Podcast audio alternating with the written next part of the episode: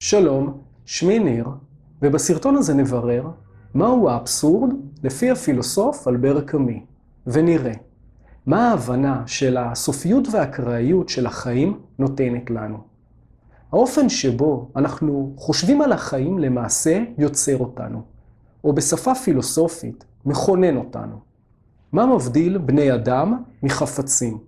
חפצים לא צריכים לשמור על הצורה שלהם, או הריח שלהם, או תכונות החומר שלהם, כדי להיות עצמם, כי חוקי הטבע עושים זאת בשבילם. הם פשוט הם. אבל האדם צריך, בכל רגע, לשמור ולעצב את האופן שבו הוא בוחר לראות את העולם ולפעול בעולם, בכל בוקר, בכל הצלחה או כישלון, בעייפות או ערנות, מתוך עניין או מתוך שעמום. אנחנו חווים ומאבדים את האירועים. והאופן שבו אנחנו חושבים על האירועים מתורגם לאופן שבו אנחנו בוחרים את הפעולות שלנו. והפעולות שלנו, בתפיסה אקזיסטנציאליסטית, זה העיצוב של עצמנו. אך בהתבוננות שלנו בעולם, במכלול שלו, בתוהו שלו, נראה שאין ערך לפעולות שלנו, בגלל שסופנו להתקלות ולהישכח. כל אדם ימות. החיים מלאים באקראיות. שנאה ופילוג שוב ושוב צומחים מחדש, ואנחנו ניצבים מול זוועות שמחולל האדם או הטבע. וכשאנחנו חושבים על זה, אנחנו חווים את דחיסותו המפחילה של העולם, את הזרות שלו אלינו. אנחנו זועקים מתוך תוכנו, ושומעים רק את שתיקתו הרועמת של העולם. וברגעים אלה אנחנו חושבים שלאופן שבו אנחנו בוחרים את הפעולות שלנו בעולם, אין משמעות. ההבנה שאין אלוהים מובילה אותנו להבנה שלעולם הזה לא תהיה גאולה. שאין תקווה שיום יבוא ונלמד ונבין מהי התוכנית הגדולה והפלאית מאחורי אירועי העולם. אין לנו דרך היחלצות מהעולם הזה, אך עדיין יש לנו תקווה ורצון לגאולה. אנחנו ניצבים מול שתי האמיתות היחידות בחיינו. התוהו המתמיד של העולם והצורך הנואש שלנו במשמעות. ומהרגע שבו אנחנו ערים לכפילות הזו, מהרגע שמתעורר המדוע ולמה הזה, שמופתע מאי קיומה של אחדות, שהייתה יכולה להתמודד עם האקראיות המתפרצת של היקום, אז נולדים בנו הלאות, הדכדוך ותחושת החידלון. התודעה הזו מנתקת אותנו מהאמונה הכוזבת שיש רצף הגיוני לחיים ושהם בעלי משמעות, והתודעה הזו מפרידה בינינו ובין המציאות. אז את האמת אודות המוות והאקראיות יודעים כולם, והשאלה היא, איך בוחרים להתמודד עם הידיעה? השאלה היא, מהן המסקנות שכל אחד מאיתנו בוחר לחלץ מן הידיעה? בספרו המיתוס של סיזיפוס, הפילוסוף אלבר קאמי נותן שם לרגש המועקה העולה בנו לנוכח הזעקה שלנו אל העולם והשתיקה הלא הגיונית שלו. השם הוא תחושת האבסורד. האבסורד הוא הפירוד הבלתי ניתן לאיחוי בין הרוח השואפת לאחדות ולמשמעות ובין העולם המאכזב והלא מובן. זו התשוקה להסבר שבזכותו הקרעים של היקום יתאחו, ובו זמנית זו הידיעה שההסבר אינו קיים. האבסורד זה העימות המתרחש בתוכנו בין תודעת התוהו של העולם ובין השאיפה הזורמת בנו, שהכל יהיה ברור והגיוני, ושיש משמעות להכל. האבסורד מתרחש בדיוק מתוך הסתירה, שאינה ניתנת לפתרון. הסתירה בין הדרישה שלנו ובין המציאות. קאמי אינו פילוסוף שמנתח רעיונות המנותקים מהחיים שלנו. הוא כותב, לחפש את האמיתי אין פירושו לחפש את הרצוי. המחקר שלו מביט בכנות מלאה בקשר שבין האמת ובין החיים. הוא אינו מוכן להקריב את האמת על מנת להציג פתרון פילוסופי מכובד וארוז יפה. הבנת האבסורד מובילה אותנו להכיר בקרע והפירוד בינינו ובין העולם. בינינו ובין הרצון שלנו לאחדות, לצדק ומשמעות. האמת של האבסורד היא שהדרישה שלנו לגאולה שהתשוקה שלנו לתקווה, שהציפייה שהמעשים שלנו יתקנו את העולם, ושימצא פתרון לכל הקרעים שביקום האנושי, פשוט בלתי אפשרית. אך מה שמעניין יותר מכל את קמי, הוא לא התגלית עצמה של האבסורד, לא הניתוח האקדמי של תפיסת האבסורד. מה שמעניין את קמי זה מסקנות החיים הנובעות מהאבסורד.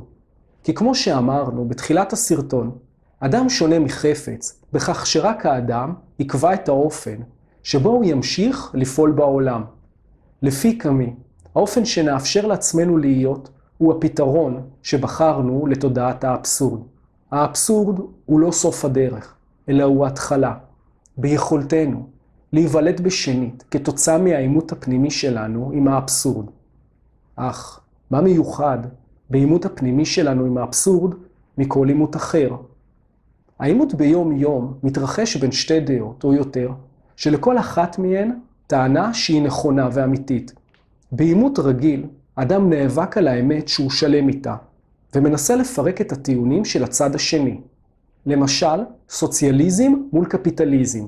למשל, יש אלוהים, אין אלוהים. תודעת האבסורד שונה מעימות רגיל, משום שהיא מתרחשת בתוך האדם עצמו, והמיוחד הוא ששני הצדדים של העימות מייצגים אמת וכנות. אנחנו רואים שהאבסורד אינו עימות רגיל. האבסורד אינו מצוי באופן בלעדי באף אחד מהגורמים המושווים.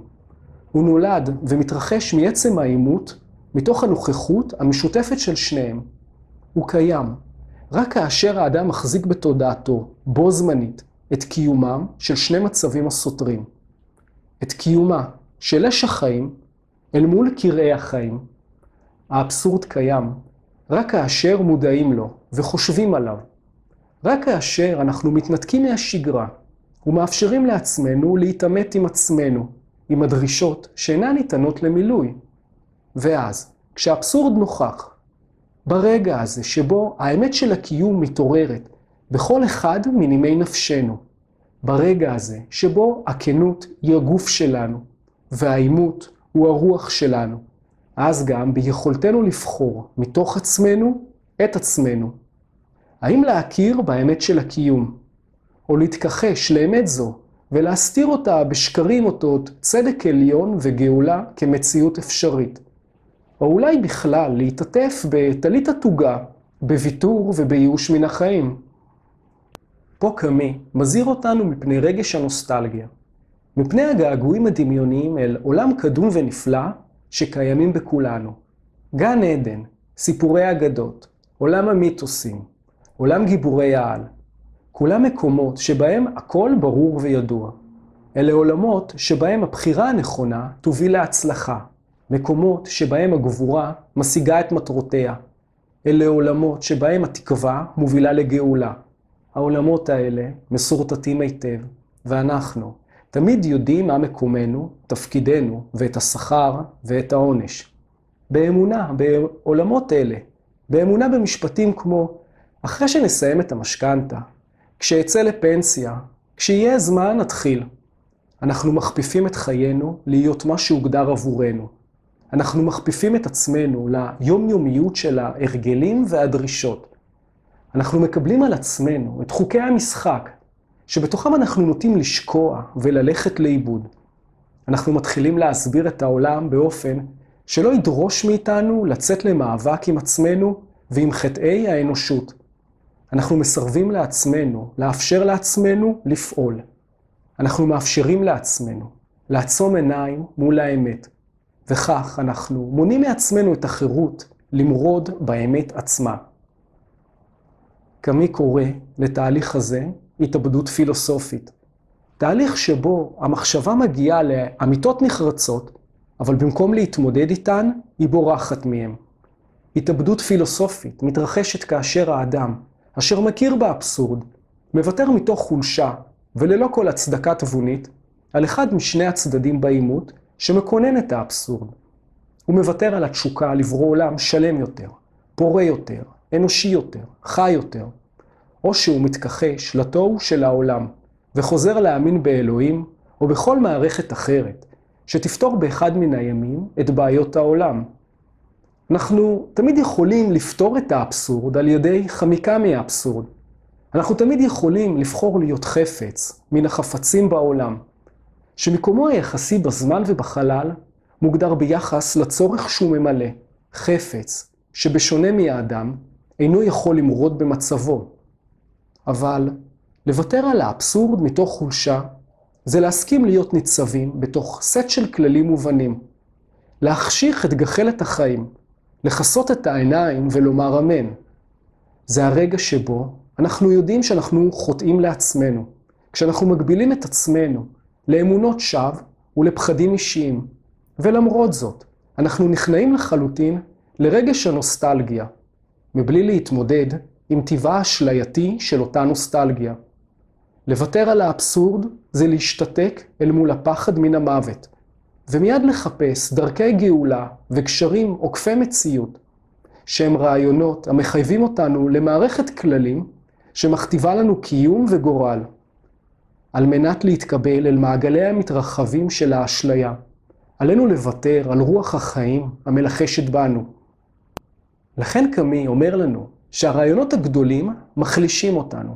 הם פורקים מאיתנו את הנטל להתמודד עם עצמנו, למרוד בחולשות שלנו ולהיות יותר.